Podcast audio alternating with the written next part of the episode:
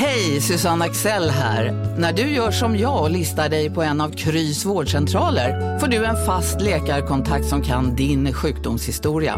Du får träffa erfarna specialister, tillgång till lättakuten och så kan du chatta med vårdpersonalen. Så gör ditt viktigaste val idag, lista dig hos Kry. Nu blir Sveriges skönaste arbetsplats ännu skönare.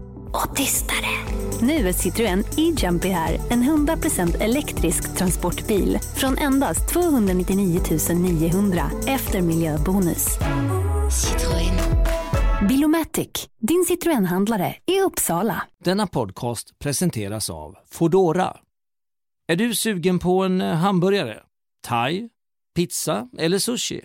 Ja, just nu har vi kanonerbjudanden plus fri leverans från massor av favoriter. Låt Fodora fixa maten. Ladda ner appen och beställ nu. Podplay.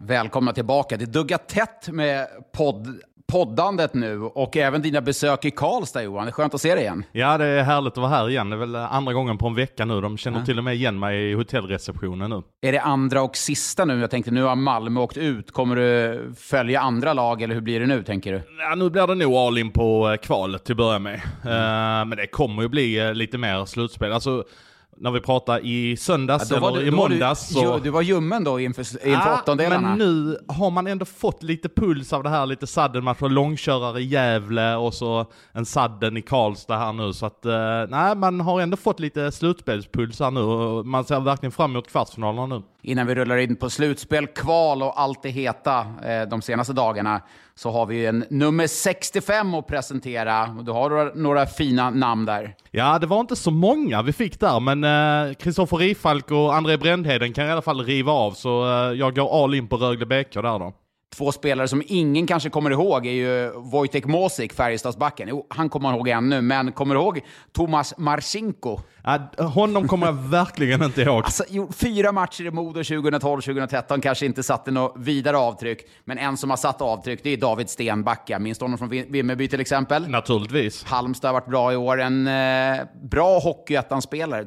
Tror du Stenbackas chans att spela i SHL är över? Han är ändå 25 år nu. Ja, då kan den kanske vara över, men eh, kanske Hockeyallsvenskan. Jag menar, har man ändå varit i Vimmerby så finns det ju något. 19 poäng på 37 matcher i Vimmerby 2016-2017. Den här säsongen 2021 då, gjorde han 12 poäng på 18 matcher i Halmstad Hammers. Ja, ja, men det är väl OK i alla fall. Men om du sätter David Stenbacka i, i relation till Erik Karlsson, hur skulle du liksom sätta dem då? Ja, alltså... Kanske Erik är något bättre då. Ja, men båda är rightare. Ja. ja, men jag håller nog kanske Erik något högre då. Han är i alla fall, det får vi vara ärliga och säga, Erik Karlsson, den bästa nummer 65 i världen. Back for Logan. Takes a shot. Johnson save.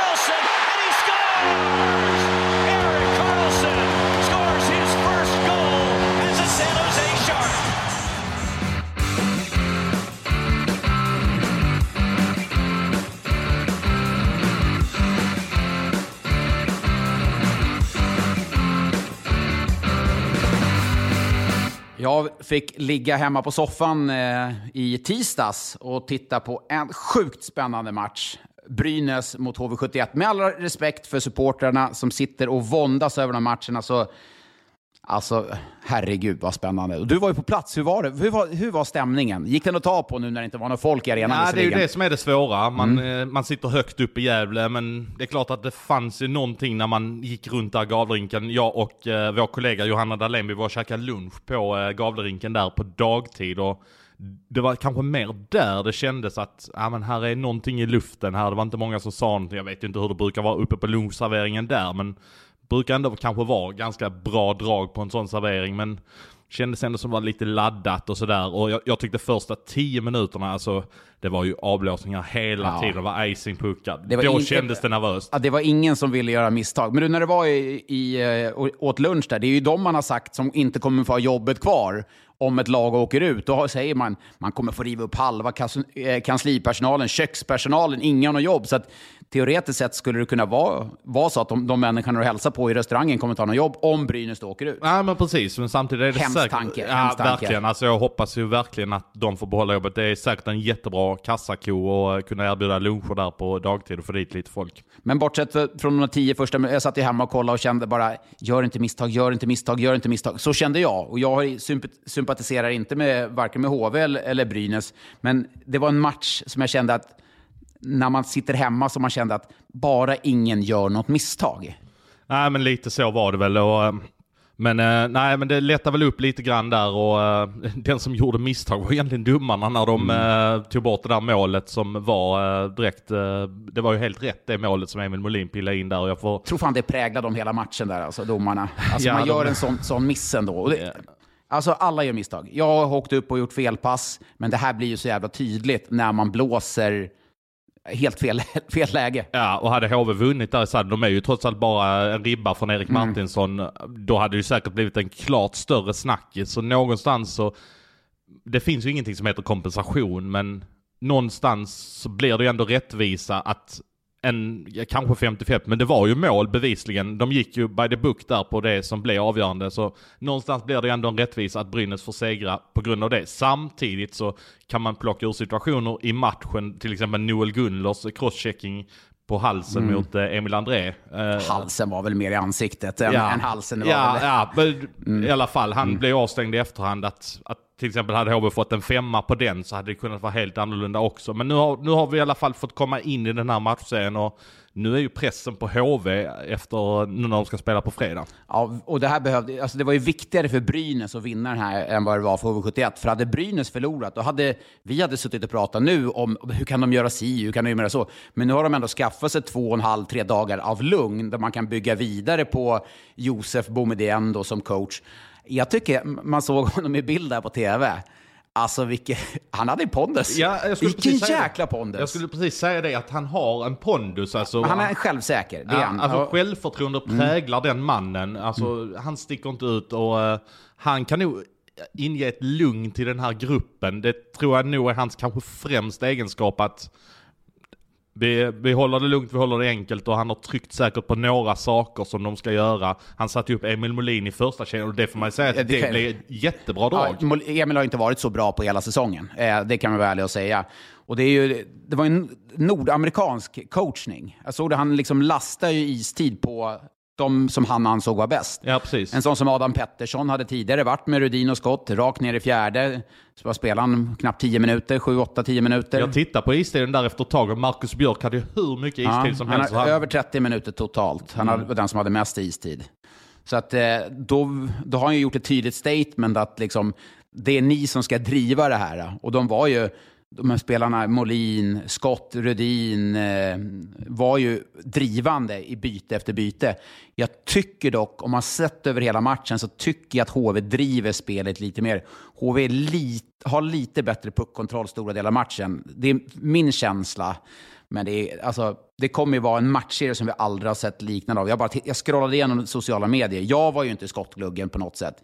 Men den tonen som finns på sociala medier under de här matcherna, den, den är grov alltså. Ja, alltså, Den- ja, riktigt. Man ska passa sig för att ta ut någonting. Det var någonting jag skrev eh, när det blev klart att Brynäs skulle in i den här matchserien där jag bara liksom wow. Och det tolkades som att Var, där- du, var du som skrev den här tweeten, vaknar, går och lägger mig med en skön känsla att Brynäs eller HV ska spela, i kva, spela Hockeyallsvenskan nästa år? Nej, det Nej. var det inte. Nej, det- just det, det var- det var Erik Ryman, ja. Nej, Och, och där får man säga att för hans skull, det kan han sitta och säga på sitt kontor, Mm. men att skriva den tweeten i det här läget, och, det- och det förstår ju Erik Ryman naturligtvis Ja, också i efterhand, att det, var- det var ju klumpigt, alltså det är så sjukt mycket känslor, Mm. eh, så att jag, jag passar mig egentligen för att skriva allt för tunga saker här nu kring det här att, eh, för att alltså känslorna bubblar över något helt Ja. fruktansvärt på folk, jag förstår det. Ja, absolut. Samtidigt, vi är ju där...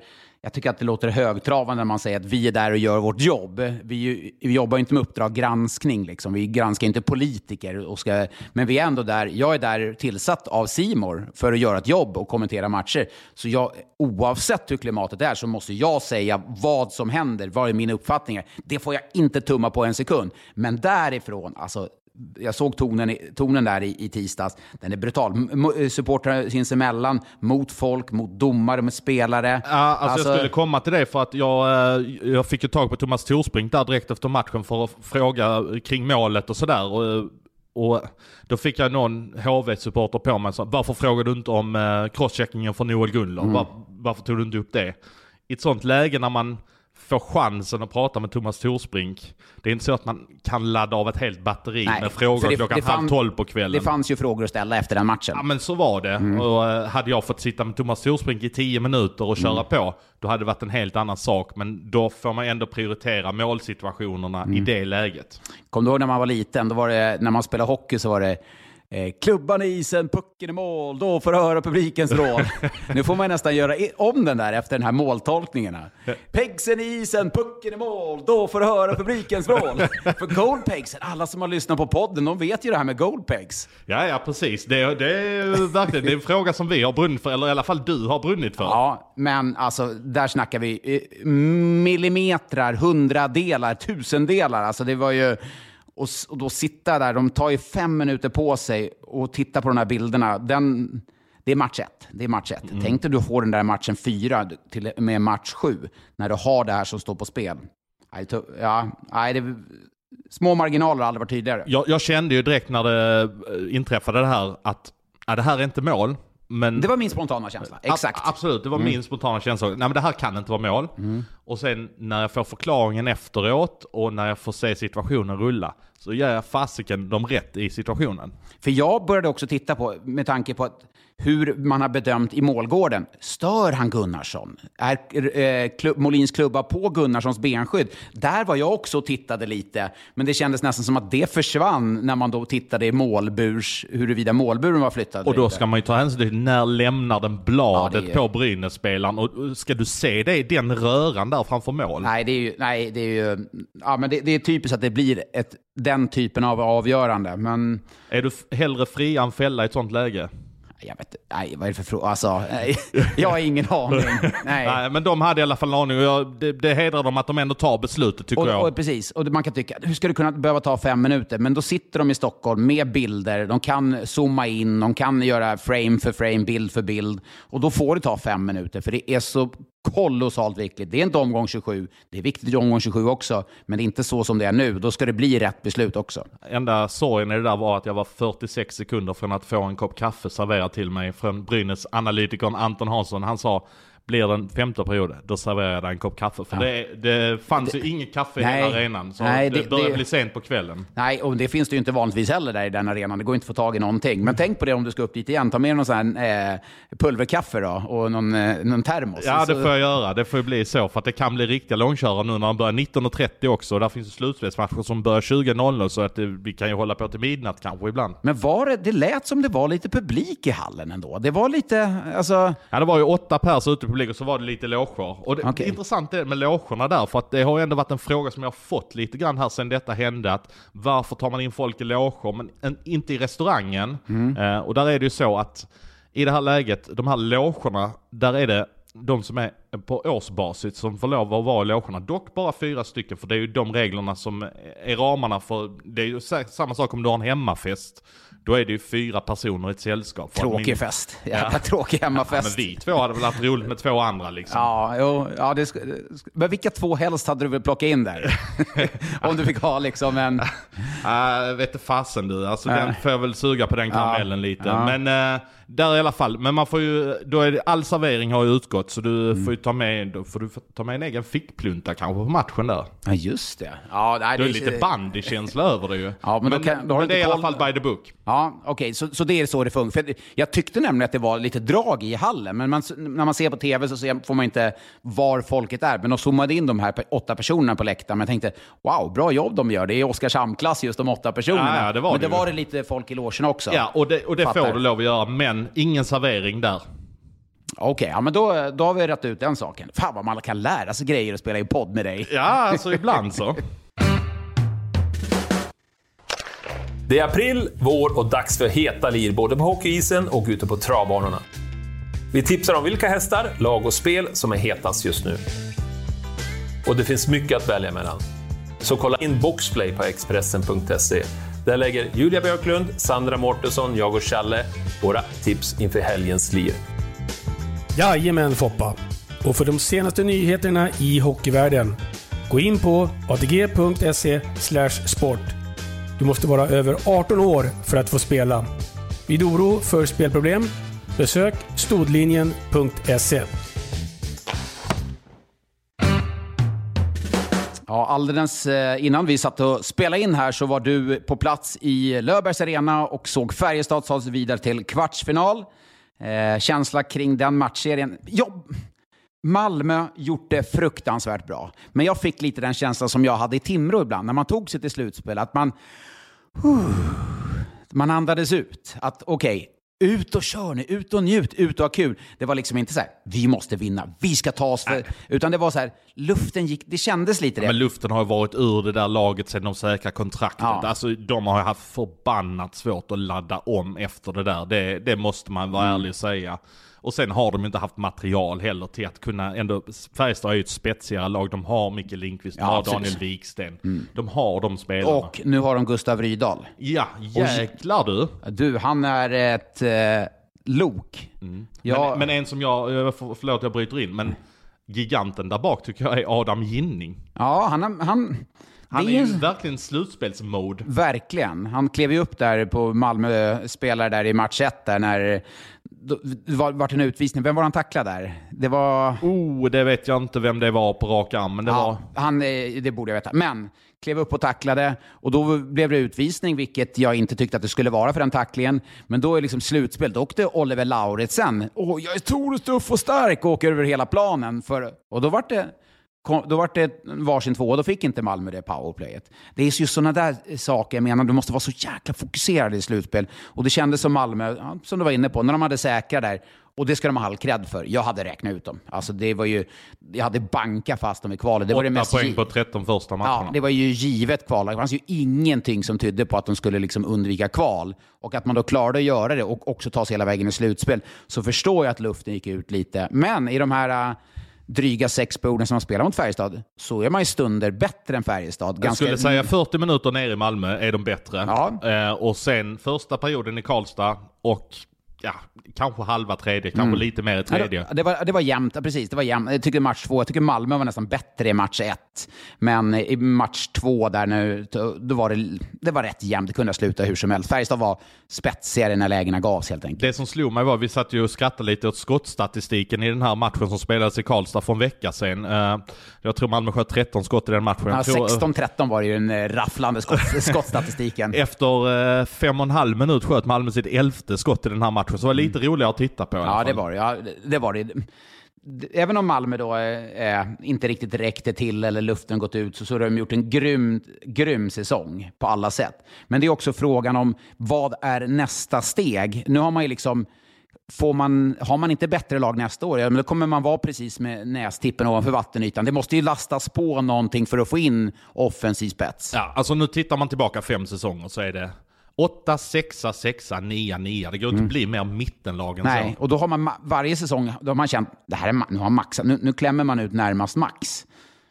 Ja, nej men precis. Det, det är precis så jag känner också att nu, nu får de hitta någonting att man har en Adam Johnson som är med hela säsongen Mm. som kan kliva fram och avgöra matcher som är god från 17-20 mål någonting och så hitta något spetsigare på andra kanten också. Man har någon första kedja som driver det plus tvillingkedjan för annars så kommer de stå och stampa där de har varit de senaste åren också. Men skulle det då, tvillingkedjan med eh, Emil Sylvegård, den kan man ju luta sig tillbaka på nästa år också. Det är den som har drivit laget i år. Sen måste du få en, liksom en andra kedja. Skulle du kunna få hem Händemark och få två vingar till honom då? Då har du ju helt plötsligt två kedjor du kan luta dig Ja, mot. det skulle säga det att du måste hitta två vingar som är, som är bra och sen så ska du ha en tredje kedja som också ska kunna vara med och driva laget. Du har Kalle Mm. Östman som är klar, kanske Kalle Persson och så plocka hem Kim Rosdahl, någonting i den stilen. Jag menar, Kim Rosdahl har gått in och gjort 29 poäng i Oskarshamn, vilket är Men- bra. Men blir inte det lite så här Henrik Törnqvist-grej i Linköping?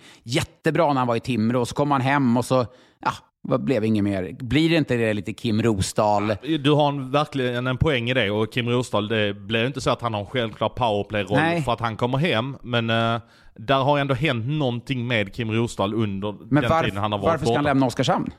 Ja, men jag tror helt enkelt han, han längtar hem till Skåne tror jag.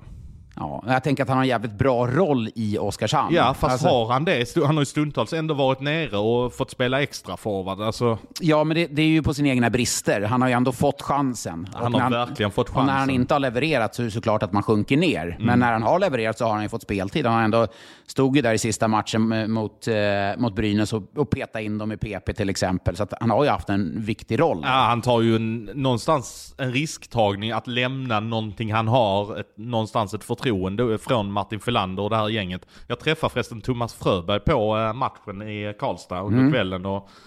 Harmonisk. Vad vad sa du? Harmonisk. Ja, alltså han mådde bra. Jag frågade om han hade nyktrat till efter helgen lite. Ja. Men det, det verkar, han verkar må jättebra och eh, han var, eh, liksom, hade fått andas ut nu och eh, de klarade och nu ska han bygga för nästa säsong. Men det är inte lätt att Mm. Nej. sitta i den positionen ska jag säga som han sitter för att För han att- har en begränsad budget. Och Nolan Sajak och de här, måste, de ska ha mer betalt. Eh, men det- ska, ska han gå med Lance Boma? Hur ska han göra? Det finns inte så att han kan säga "Nej, men jag vill behålla Sajak, jag vill behålla Boma och jag ska ha en toppspelare till. Han har inte den ekonomin utan han måste göra fynden. Ja, men det är det. Han, om vi ser på alla värvningar, så JC Lippon vart ju ingen succé. Men om vi ser på värvningar som han gjorde inför säsongen, så träffade han ju rätt, eller Oskarshamn och Thomas Frö träffade rätt i stort sett på varenda värvning. Det måste man ju, alltså, det är som, träffar du fel på en eller två av, av värvningarna, då, ligger, då är du liksom, då är du kval. Ja, större marginaler så har Du har absolut inte. Precis, medan kanske storklubbarna då, Färjestad med Jakob Nilsson, ja men där finns det en annan marginal. Skulle eh, Oskarshamn misslyckas med värva den första centern som han har tänkt att ha och han, han blir tredje, fjärde center, ja men då har de, in, då har de ingen påfyllning där. Så att, det är ju jävligt små marginaler de spelar med. Ja, alltså verkligen. eh, Klubbar som Oskarshamn, det är de förutsättningarna som gäller. Så att eh, Thomas Fröberg ska ju ha en stor eloge för det lagbygget han satte ihop där det var väldigt låg felprocent. Då hade man nog önskat att Sajak hade skrivit ett tvåårskontrakt direkt då kanske. Ja, det hade ju varit rätt skönt att sitta med det nu och istället för att behöva dubbla de eh, pengarna nu. Men de måste också ha en andra keeper bakom eh, Kanata och jag skulle ju gå för att, nu är Tim Joel skadad här i BIK Karlskoga, men typ en sån utvecklingsbar eh, Men det- andra keeper, Klas Endre. Eller Endre, ja, Någonting ja. i den stilen. Alltså målvaktssidan är väl egentligen det minsta, det är den viktigaste utposten, men det är det minsta problemet med tanke på de namnen som ändå finns i Hockeyallsvenskan. Ja, nej men precis. Alltså, och han kommer ju hitta en bättre andra keeper än Mm. Tex Williamson som kanske var lite less på att stå där som en backup. När vi har fällt ihop våra poddmickar så ska vi gå och sova och när vi vaknar upp så är vi båda på, i olika bilar visserligen på väg ner till Göteborg. Jag ska kommentera matchen Frölunda mot Djurgården och du ska vara där och, och skriva och göra lite intervjuer. Herregud, vilk... Vi är specialister på det vi gör, precis som du. Därför försäkrar vi på Swedea bara småföretag, som ditt. För oss är små företag alltid större än stora och vår företagsförsäkring anpassar sig helt efter firmans förutsättningar. Gå in på swedea.se företag och jämför själv.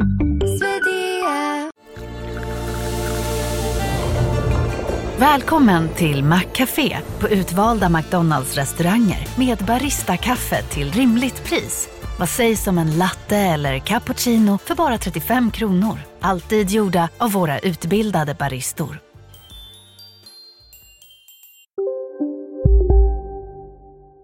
Hem. Jag hade räknat ut Djurgården, jag kan säga det.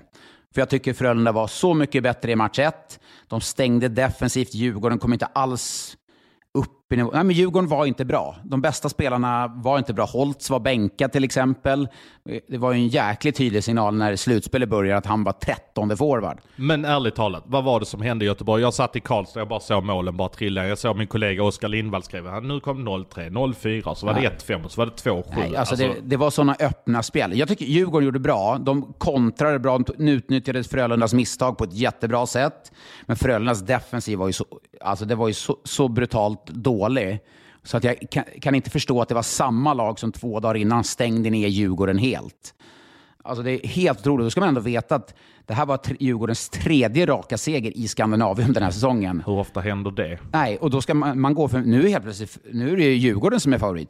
Man säger det är blanka papper, skitsnack. Det är klart inte det. Djurgården har ju en... en liksom, Frölunda skulle liksom vinna den här matchen, få en dag ledigt, ta sig in i slutspelet. Nu är de måste nollställa sig. Djurgården åkte ner till Göteborg och sa vi ska vinna två matcher. Så att eh, det är ju brutalt tufft läge och menar, ryker Frölunda en åttondelsfinal. Ja, vad, händer i föreningen då? Vad händer? Alltså, ja. Alltså för Roger, han Nej. är, han är untouchable. Det är klart han är. Självklart är han det. Alltså, det är ju, alltså, man kan, alla lag kan misslyckas någon säsong, men man får ändå säga att det här är Frölundas ett och ett halvt, alltså ett halv, halvt misslyckande i fjol. Man Sjua vann, förra året, man va? vann visserligen CHL. Man hade kunnat gått in och fått ett ryck i slutspelet. Det, det, kan, det får vi aldrig eh, svaret på. Men nu, och skulle man åka ut i en åttondelsfinal och du har ganska många av spelarna är ju kvar kontrakterade för nästa år också. Du har ju liksom hela grunden redan satt där. Nej, eh, det skulle vara skitorolig just med trenden eh, som man har haft. Jag tror att man går in med en väldig oro i matchen här ikväll. Väldig oro just med att man har varit så pass dålig efter jul. Och just där, bra, svindålig. Bra, svindålig. Det finns liksom ingen kontinuitet i någonting. Nej, och uh, Djurgården, som du sa, de har ju absolut ingenting att förlora här nu. Nej, och nu fick man ju helt plötsligt så satte de ihop en eh, kedja med Kalle Östman och eh, William Eklund och Alexander Holtz där. Oj, den flög ju fram. Holtz bänkad match 1, 2 plus 2. Oj. alltså, eh, bara, och han delade ut något propp. Han, alltså, han såg ut som en rund miljon. Och just Han det, är ju en rund miljon. Ja, eh, inte efter JVM har han inte varit det. Men nu, nu fick ju han liksom studsa tillbaka. För jag satt ju och tänkte där, när han satt på bänken, här, undrar vad New Jersey tänker, som har liksom investerat ett- högt draftval i honom. Han sitter på bänken. Visserligen hans första motgång i hans unga karriär. Alla spelare måste hantera motgångar. Det här får man väl då säga, säga är en liten motgång, om en väldigt liten, när han får sitta på bänken. Men ta sig tillbaka och göra fyra poäng i en så viktig match, grymt starkt. Ja, när vi har fått den här åttondelsfinalen gjord mellan eh, Frölunda och Djurgården, då börjar väl slutspelet på riktigt kan man säga. Vi kommer ju få eh, se Luleå mot Skellefteå, vi kommer se Örebro mot Leksand, vi kommer se Växjö mot någon och vi kommer se Rögle mot någon. Då börjar det på riktigt. Ja, då är, det, är du taggad då eller? Ja, jag sa ju semifinaler men eh, jag vacklar ändå. Jag, jag, jag får ändå säga att jag, ja men då kommer man ändå, det ska ändå bli roligt. Ja, men jag tycker, nej, jag tycker att det, jag tycker åttondelarna eh, har varit roliga också. Jag menar, få åka ner och jobba på en avgörande match när två ändå storklubbar står mot varandra, Djurgården och Frölunda, så är det skitkul. Men om vi blickar mot de kvartsfinalerna vi ändå har klara nu, om vi börjar med Skellefteå och Luleå, så, alltså just den rivaliteten som finns där. Och du börjar, det tycker jag också är ganska roligt när du får match två dagar i rad på hemmaplan. Skellefteå då, eh, söndag, måndag kör de igång. Och du får liksom direkt två matcher på raken där, head to head. Det känns ju jäkligt roligt. Det piffar ju verkligen upp slutspelet, att det blir så intensivt. 2-2, och alltså man spelar två dagar efter varandra, vila en dag och sen kör man två dagar igen. Precis, och det blir väldigt intensivt, vilket är du väldigt beroende, kanske i ännu större utsträckning när det är så intensivt, att ha en bredare trupp. Och Skellefteå har både bredare, bättre och spetsigare trupp än vad Luleå har. Så det finns ju egentligen ingenting, ska vi säga, som talar för Luleå i den matchen. Jag skulle väl säga att det är målvakten som eh, talar till Luleås fördel. Lassinantti har, ju- har ju... Han kan ju ändå stänga igen butiken. Och det kan inte Gustav Lindvall. Jo, det kan han ju absolut. Mm. Men eh, om Lassinantti är Det- där så är det ju det som talar till eh, Luleås Absolut, fördel. så är det Och Luleå har ju... menar, det, det är en tuff situation där. Liksom, eh, vi ska inte börja prata om Ilomäki eh, som inte ersattes, men jag menar Petter Emanuelsson borta resten av säsongen. Det är liksom ändå en, en spetsspelare som ska göra mål för dem i viktiga matcher. Det är det verkligen. Och sen så Erik Gustafsson ska ju liksom in i det nu. Mm, han, precis, han är så pass rutinerad så han kommer kunna spela lite på rutin. Det kanske inte är 27 minuter Erik Gustafsson bra, men han kommer kunna göra 20-22 minuter jäkligt bra. Kanske jag ska inte säga att det gynnar Erik, men Erik har inte varit lika bra den här säsongen som i fjol. Nu kommer han behöva spela mycket enklare när han kommer tillbaka, den här knäskadan. Och i ett läge, det behöver inte vara något negativt för honom, för då gör han det bara jäkligt enkelt och då är han fruktansvärt bra. Men Skellefteå har ju egentligen tre kedjor eh, som är bä- Skellefteås tredje kedja är bättre än Luleås första kedja. Ja, det har du varit inne på tidigare. Ja, det är liksom, det är bara kolla det laget. Det är ju liksom, nej, inte tre landslagskedjor riktigt, men snudd på nästan. När det, och så får du tillbaka Kiskinen nu som kommer in bredvid Jocke Lindström. Då, då går Nowick ner i sin fjärde kedja och gör sin roll där. Då har du liksom tydliga rollfördelning också i, i laget. Ja, alltså tittar man liksom Skellefteås kedjor när de sätter upp det. Jag såg dem här för, i deras näst sista seriematch här. Och då var ändå Kiskinen borta. Tänkte jag bara, wow, vilket lag de har. Ja, de har ju byggt upp ett jätte, jättebra lag. Så att om inför säsongen så trodde ju, uppenbarligen du trodde inte på dem som satte dem tia i tabellen och jag, jag hade Elva dem, till och med. elva till och med. Ja, jag hade dem eh, femma eller vad det var. Så ingen av oss trodde ju på dem så mycket. Med, med det sagt så ska det ändå bli, alltså att de har byggt upp med det laget. Tänk hur det hade varit om det inte hade lyckats. Men de har ingen headcoach. Andreas Falk hit och Klockare dit och Hedlund. Nu är det ingen som pratar om det. Nu pratar man liksom om ett powerhouse i svensk hockey igen. På tal om eh, ett potentiellt powerhouse, kanske. De har i alla fall eh, bra investerare i ryggen, de har mycket fans i ryggen. Leksand går in i slutspelet också. Och det var länge sedan. Ja, vad härligt. Det, alltså, tänk dig vilken fest det skulle kunna vara. Men det kommer ju vara fest på, på sitt sätt ändå. De har ju varit, eh, sålt halsdukar tidigare. Det liksom, de har gjort ändå en inramning fast att, utan att kunna ha inramning. Eh, Spaningen för Leksand när de går in i slutspelet. Janne Juvonen har vacklat förr när det har gällt som mest. Han går ändå in med ett annat ingångsvärde denna gången tycker jag. Han har varit så jävligt bra under säsongen. Ja, alltså, eh, jag kan inte jämföra vad han har gjort i Finland i slutspel. Man pratar ju om att han inte var bra mot eh, Mora i den här kvalserien. Men nu måste man ju se vad han har framför sig i form av försvarsspel och organisation och struktur. Och det är ett helt annat Leksandslag, han, alltså, eller försvararna framför sig. Så att han kommer ju få en, en bättre hjälp än vad han har haft tidigare slutspelsmatcher, om man då säger att kvalmatchen mot Mora var det. Så jag känner ingen oro för honom, för han har varit så bra i 52 matcher. Och det som det är, det är fortfarande samma sport. Man, kan inte leverera slutspelet. Ryan Lash kan inte göra det. Han kan inte leverera, men det är fortfarande samma eh, hockey. Det är visst, du möter eh, samma lag varannan dag eller eh, eh, var tredje dag. Men i Jovonens fall, jag känner, ingen, jag känner ingen oro för han har varit så jäkla bra sett över hela säsongen. Han har ju liksom haft få dippar, få billiga mål. Han har ju hållit en jämn... en jäkla massa matcher. Ja, och eh, han ser ju inte ut och borde kunna klara det om man liksom ser när han tar av sig masken. Men han, är, han har ju varit jäkligt bra alltså.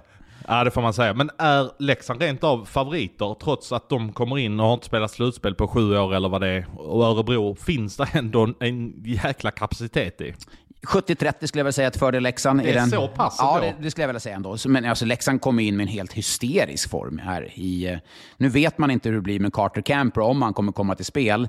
Men ändå de här, under den här perioden som man ju saknat Carter Ashton, Camper, Cehlárik har varit borta någon match. Men han har ju bara pumpat på liksom, fyra kedjors lag som har liksom trummat på. Patrik Zackrisson har varit bättre än, ja, inte någonsin, men bättre Nej, än... någonsin var nog att ta Nej, ja. men han har varit jäkligt bra och varit nyttig för dem. Nils Ja, Åhman... nyttig tycker jag är rätt ord för eh, Patrik Zackrisson. Att, Ja. att, han, att han bidrar verkligen med någonting helt annat. Han har ju känts som en, när han spelade Skellefteå var det ju en ren spetsspelare. Ja, Han nu- känns ju som en lagspelare, en, en riktig ledare i laget. Ja, men precis. Ja, men det, det är rätt sammanfattat. Han har liksom ändrat kurs lite. Inte lika spetsig, men en, mer en lagspelare. Det var mm, en rätt bra sammanfattning på honom. Och då har Heinemann, Åman, de här killarna som kommer. Alltså, jag, jag, jag håller Leksand som favorit i den serien. Ganska klar favorit också. Ja, uppenbarligen eftersom du säger 70-30. Mm. Men om du, eh, är det 70-30 Skellefteå-Luleå också eller? 80-20 skulle jag vilja säga. Det är till och med Skellefteå. mer där. Ja, det, absolut. För där är... Sen har man, man ha respekt för Luleå, kan stänga ner i ett slutspel och vara jobbiga att möta och så. Men sett över sju matcher, hade det varit fem matcher som det är semifinal, ja, då hade det kanske inte varit lika tydligt. Men sett över sju matcher, då kommer, tror jag, Skellefteå mala ner Luleå. Eh, Leksand tror jag att det kommer mala ner dem lite. Leksand kanske är ett skickligare lag, om man liksom skickligare sett till Örebro. Men jag tror inte att Leksand kommer mala ner dem på samma sätt. Leksand kommer vara fortfarande väldigt beroende av eh, liksom, sina spetsspelare. Det var nog viktigt för Leksand om de fick vinna en match mot Örebro för det har varit ett riktigt spöklag för dem under många år. Mm, så är det ju. Och det, det ska man inte, alltså, det har man med sig. Alltså, som Örebro pratar garanterat om det. Vi, har, liksom, vi kan de här, vi vet de här. Men för Leksands del så tror jag tror inte det. För där känns det som Björn Hellkvist, han är ändå mästare på att stänga ute allting. Det är vi mot världen. Det, känns ju, det borde han, vara hans mellannamn. Sen har vi ju även eh, kvartsfinaler som väntar. Det är åttondelsfinallagen ska ju in och spela, men jag säger rakt av att de inte kommer ha en chans mot framförallt Växjö. Kommer ju, Växjö kommer att vinna med 4-1 i matcher oavsett vilka de möter, säger jag i alla fall. Ja, går Frölunda vidare så får ju eh, Växjö möta Färjestad. Går Djurgården vidare så får Djurgården möta eh, Växjö. betyder att eh, Rögle får möta Färjestad. Och där Färjestad är ju, det säger man alltid, jag bor ju i Karlstad, man säger alltid så här, man ska aldrig räkna bort Färjestad i slutspel. Ja, Färjestad. Men det är för att man är en framgångsrik historia med betoning på historia. Det är tio år sedan man, man vann senaste SM-guldet. Varför ska då Färjestad vara så far... Varför kan man inte räkna bort dem i slutspel? Nej, och du nu- kan väl räkna där- bort dem lika mycket som du kan räkna bort Djurgården eller eh, något Exakt, annat. det var tio år sedan de vann för det första. Men man ska också ha klart för sig, Färjestad, vad de går in med i det här. Tänk om det hade blivit en långkör. Nu ska de vara glada de får en vilodag här Ja. efter den här Malmö-serien. För att hade de behövt gå en tre matcher serie där så hade de Ja, fått det, de har spelat sju, någonting, sju matcher på sju, elva. sju på elva dagar. Ja, så de Skulle- behövde ett litet break. Ja precis, och eh, men fan vet om de klarar ändå. Alltså, då, efter de här, eh, nu när de spelat sju matcher på 11 dagar så kommer de spela två matcher i helgen, en vilodag och så två matcher till på det. Så det kommer kännas i deras kroppar. Och Pennerborn var inne på det att han har medvetet valt att lägga ut så mycket istid han kan på så många spelare som möjligt eh, oavsett vad de heter. Och det, det är väl smart och det var man kunde göra ganska eh, sent in på serien också. Men sen är det klart, för Färjestads del, ska de rubba då, om det blir rö, när de blir Rögle eller Växjö, så måste Jesse Virtanen spela. Eh, nu har han varit skadad, spelat två och en halv minut mot Malmö. Sen har han inte spelat någonting. Så ska, ska de rubba så måste Virtanen spela. Parallellt med eh, SM-slutspelet har dragit igång så pågår det hetaste slutspelet och eh, Ja, än så länge är det hetast. Ja, än så länge. Men eh, jag tror det kommer vara hett hela vägen in här och jag säger så här, Björklöven är klara. Jag hade önskat att jag kunde säga emot dig, men eh, det kommer inte gå. För Björklöven, vad har de? De virade alltså Karl Johansson, eh, Belov mot, senast mot eh, Karlskoga. Och de får gå med allt de har. Ja, Karlskoga måste liksom slita på hörntänderna. Johan Larsson halvskadad. Du har Ville Westlund sitter på läktaren skadad. Filip Roos skadad. Jag menar Daggen borta. Tim Juhl, målvakten, borta nu också. Det får så här flashback senast de var i kval när de hade Engelage, målvakten då, som då fick ju... Eh, Kruse kommer in. E- Emil Kruse, ja just det. Och han var ju senare värvad till Rögle. Det känns ju som en av de mest oväntade värvningarna någonsin. Att man tar andra keepern där. Ja, Exakt, men det var tider när Rögle för, eh, förvånade på ett kanske negativt sätt. Ja, precis. Men eh, det får lite flashback och det känns ju som att Men nu måste ju Daggen spela. Nu får han ju spela oavsett vad det, vad det handlar om. Nej, men det går inte. Den skadan kan ju inte liksom... Han, det må, som jag var inne på, det, det är en skada som... Jag menar... Han, må, han det- kan inte stå på fötterna. Det måste ju kunna Nej, vara så- exakt, nej, ja. precis. Lite, lite så är det. Liksom. Han var ju visserligen i en intervju där med Lars Lindberg och, och Mike Hellberg, men de kanske hade rullat in honom och pålat upp honom och tejpat fast han i någon stolpe där så han kunde stå upp. Ja, det måste vara så. Men eh, nej, jag, som sagt, jag, eh, Löven löser det. Det måste vara första gången man säger det när det står 1-1 i en matchserie. Löven löser det här. Ja, alltså de fick ju slita hårt. De vann ju sadden på en lång sadd den där första matchen. Slita ännu hårdare match två, rätt chanslösa. Åker upp nu två raka matcher i, i, i Umeå. Jag, jag, jag har räknat hem den se- 4-1 i matcher till Löven. Ja, jag håller verkligen med. Att jag tror- Tyvärr, för jag såg ju fram emot en sju serie men med tanke på de skadorna på sådana otroligt viktiga backar och ja, men spelare, alltså framförallt backsidan då, där Westlund och Roos kanske är de två bästa backarna tillsammans med Johan Larsson. Larsson spelar halvskadad, Roos kan inte spela, Westlund kan inte spela. Tack och hej. Ja, verkligen. Och i den andra matchserien så är ju Timrå, eh, de är lite kantstötta nu får man ändå säga. Förlorar 4-1 i Västervik och Mm. 2-1 i matcher. Var lite skakade där. De var ju de var i stort sett helt överlägsna Ja. där. eh, Förutom de sista minuterna när Västervik pressade på och fick in en 3-3-puck eh, Mm. i Timrå. Då blir man ändå lite skakig. Vad håller vi på med? Och så blir det ändå sadden av det. Och så löste ändå Jonathan Dahlén. Alltså vilken prestation han var. Han hade väl typ fyra man på sig höll jag på Ja, att säga. ja, men det, det, är klassiskt Jonathan Dahlén. Liksom. Ja, men, men det som är med Västervik, alltså, ju mer folk pratar om, om hur lite de kan eller hur, hur uträknade de är, desto mer går de där jäklarna samman. Man ligger under dem med 3-1 mot Timrå, man ligger under med 1-0. Men man lyckas vända, äh, äh, vända och vinna hemma. 4-1. Man lyckas kvittera uppe i Timrå och ta det till sadden. Det är liksom ett lag. Och jag såg i tredje perioden, sett den i efterhand. Jag såg inte hela matchen, jag såg tredje perioden. Spelade mer fysiskt på dem. Mm, rätt tufft på, på Timrå. Och det undrar jag om det är kanske en sån här Kalin-nyckel då som han har hittat. Att, Det okej, känns som att han har några S i rockar, men man får säga det att Kalin, vi utgår från att han är klar för Modo, men han går ju in all in för den här uppgiften i Västervik. Alltså han blir grinig när de inte gör vad de ska och känns jäkligt fokuserad på det han ska göra. Ja, tänk dig att lämna eh, liksom något efter sig. Förstår du vad han menar? Alltså, han, han kommer ju vara för alltid ihågkommen som den största tränaren i Västerviks historia. Ja, Alltså, jag vet inte ens vad det finns för utmanare på det, men en, alltså... Nej, men alltså förstår du, han, han lämnar ju liksom ett eftermäle efter sig. Att folk kommer ju prata om, kom du ihåg när Mattias Kalin var här? Alltså det, han kommer ju alltid vara ihågkommen där. Ja, är det det man ska prata om när de spelar division 2 om ett par år eller någonting? Ja, du vet inte om de kan banne Eller i SHL. Ja, exakt. Ja, precis. Ja, Nu, jag, nu blir jag sågad av sågen. Jag sågad av sågen. Men jag undrar, Södertälje-fansen var ju grymt besvikna när Södertälje åkte ut mot pluttenutte små Västervik. Men jag tror att Södertälje-fansen nu har fortsatt kolla på den här slutspelsserien. De har ändå fått sett Västervik, vad de gör mot Timrå, så tror jag de ändå känner så här att visst, de är fortfarande besvikna. Det finns en, liksom en hög målsättning där. Men jag tror de ändå känner att okej, Västervik är bra. Ja, alltså verkligen. Det, det, jag tror det är många som tänkte hur kunde de bli femma i serien? Men det har de ju visat här Mm. nu att Västervik är att räkna med. De blev valda sist och precis som du är inne på där med Södertälje och Micke Samuelsson kan ändå känna liksom han är på gång här med, de är på gång i klubben och de ska ha en ny tränare. Niklas Falk lämnar ju. Jag har tänkt efter lite här Oj. kring eh, vad, vad ska Jag, Södertälje äl- ha jag in? älskar när du, när du tänker efter. Jag, jag ser framför mig hur, hur du ligger i sängen på något hotellrum i, någonstans i Gävle och så vaknar du på natten och tänder lampan. och så sitter du upp och du får bara en sån här uppenbarelse. Ja, det... det, det. Visst var det så? Ja, lite åt det hållet var det faktiskt. Men, eh, ja, men jag funderar lite grann, eh, jag tror det var kring någonstans när jag åt lunch eller någonting för någon dag sedan att Fan vet om inte Jörgen Bemström är den som kommer träna Södertälje med Dennis Bosic nästa säsong. Det finns en relation med Micke Mm. Samuelsson. Han kanske är klar i Djurgården. Han har, han har varit head coach i J20, var uppskattad i Djurgårdens J20 han har, där. Han har ju verkligen en historia i SSK. Mm. Han spelar ju där på 90-talet och ja, som sagt, han känner Micke Samuelsson. Han är i de kretsarna. Mm. Är inte Jörgen Bemström den som tränar Södertälje tillsammans med Dennis Bosic nästa år? Jag får en så jäkla stark känsla för det. Mm. Ja, bra, eh, bra spaning.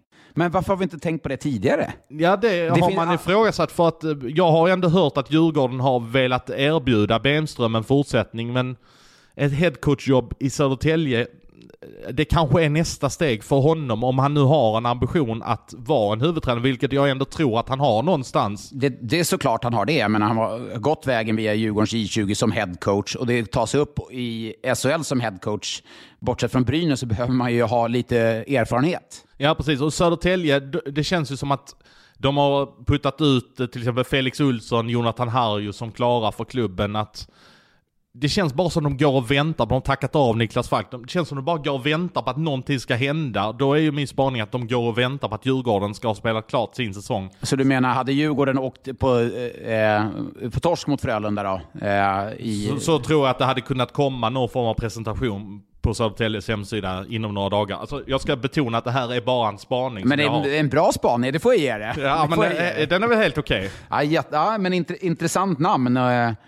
Och känns ju som ett bra läge att komma in i Södertälje som ändå är på, på väg framåt någonstans. En, en attraktiv plats för ho- hockeyallsvenska spelare. Man tar liksom inte kanske avdankade SHL-spelare, utan man tar hockeyallsvenska spelare på väg uppåt. Ja, Ta- precis. Som, vill någonting i sin karriär. Lite BIK Karlskoga-stuk på det. Mm. Eh, de- tar väl kanske ännu mer stukade spelare. Men här går du in och plockar de som inte ska till eh, SHL i Tingsryd. Mm. Du går in och plockar de som har gjort skillnad. Jag menar Felix Olsson och Jonathan Harju har ändå varit drivande i en kedja med Anton Svensson. Det märkliga där är att Anton Svensson inte hamnar där som ändå var den bästa spelaren och är från Södertälje. Ja, han kanske hamnar där till slut också då, det vet man ju inte. Ja, han hamnar i Västerås kan jag säga. Är det klart? Ja, det är klart. Okej, ja, du ser. Jag- Jag hänger inte med på alla, alla turer och alla värvningar här vet du. Ja, nu ska vi ta och runda av eh, veckans andra avsnitt av Sanne och Svensson. Ja, men det tycker jag att vi kan göra. Men jag kan väl i alla fall lägga in en grej till som jag snappade upp här under kvällen. Och det är väl att eh, Axel Wemmenborn, en ja, doldiscenter får man säga i Malmö, att eh, han har troligtvis gjort klart med en ny klubbadress för eh, nästa säsong. Han var sjukt besviken sist ut på isen, uh, ut från isen i matchen uh, efter Han, han visste att det här var sista matchen i Ja, Malmö. ja, det visste han. Och det var tårar i ögonen på honom när jag träffade honom. Och Axel Wemborn är ju en så sjukt bra kille, så jag vill ändå ge honom lite utrymme. Alltså för jag... Alltså det där är, det där är en väluppfostrad, det där är en svärmorsdröm rakt av. Eh, men jag pratade med honom och ehm, det verkar som att han eh, kommer flytta till eh, Stockholm och AIK nästa säsong. Och han bekräftade att han hade haft kontakt med AIK också. Så att har han Men- någon relation med Blomqvist sen tidigare eller finns det någon... alla som är från öst, nordöstra Skåne har väl en relation till varandra Ja, det någonstans. är visserligen. Ja, det är inte så stort den bubblan. Osby eller Kristianstad, det är väl samma sak. Så att säga. där är lätt att lägga det pusslet. Ja, men precis. Nej, men eh, jag förstod det som att han, eh, han kommer flytta. Så jag vill gärna ge Axel Wemmenborn, eh, så jävla bra kille, lite utrymme. Så att... Ja, men då får vi säga lycka till. Ja, Det är klart eller? ja, klart vet jag inte om det, men det, mellan raderna kunde jag väl ändå utläsa som att det var nog det som kommer ske här.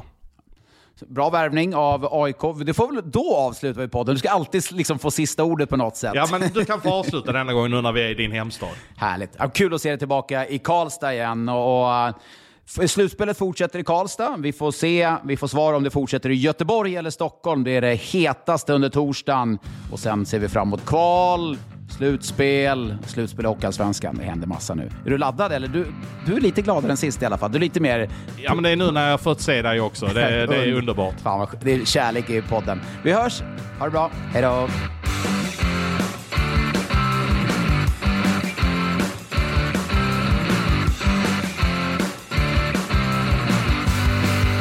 Du har lyssnat på en podcast från Expressen. Ansvarig utgivare är Klas Granström. Nu blir Sveriges skönaste arbetsplats ännu skönare. Och tystare. Nu är Citroën E-Jumpy här. En 100% elektrisk transportbil. Från endast 299 900 efter miljöbonus. Citroën. Bilomatic. Din Citroën-handlare i Uppsala. Hej Sverige! Apoteket finns här för dig och alla du tycker om. Nu hittar du extra bra pris på massor av produkter hos oss. Allt för att du ska må bra. Välkommen till oss på Apoteket. Kurrar det i magen och du behöver få i dig något snabbt? Då har vi en Donken deal för dig. En chicken burger med McFeast-sås och krispig sallad för bara 15 spänn. Varmt välkommen till McDonalds.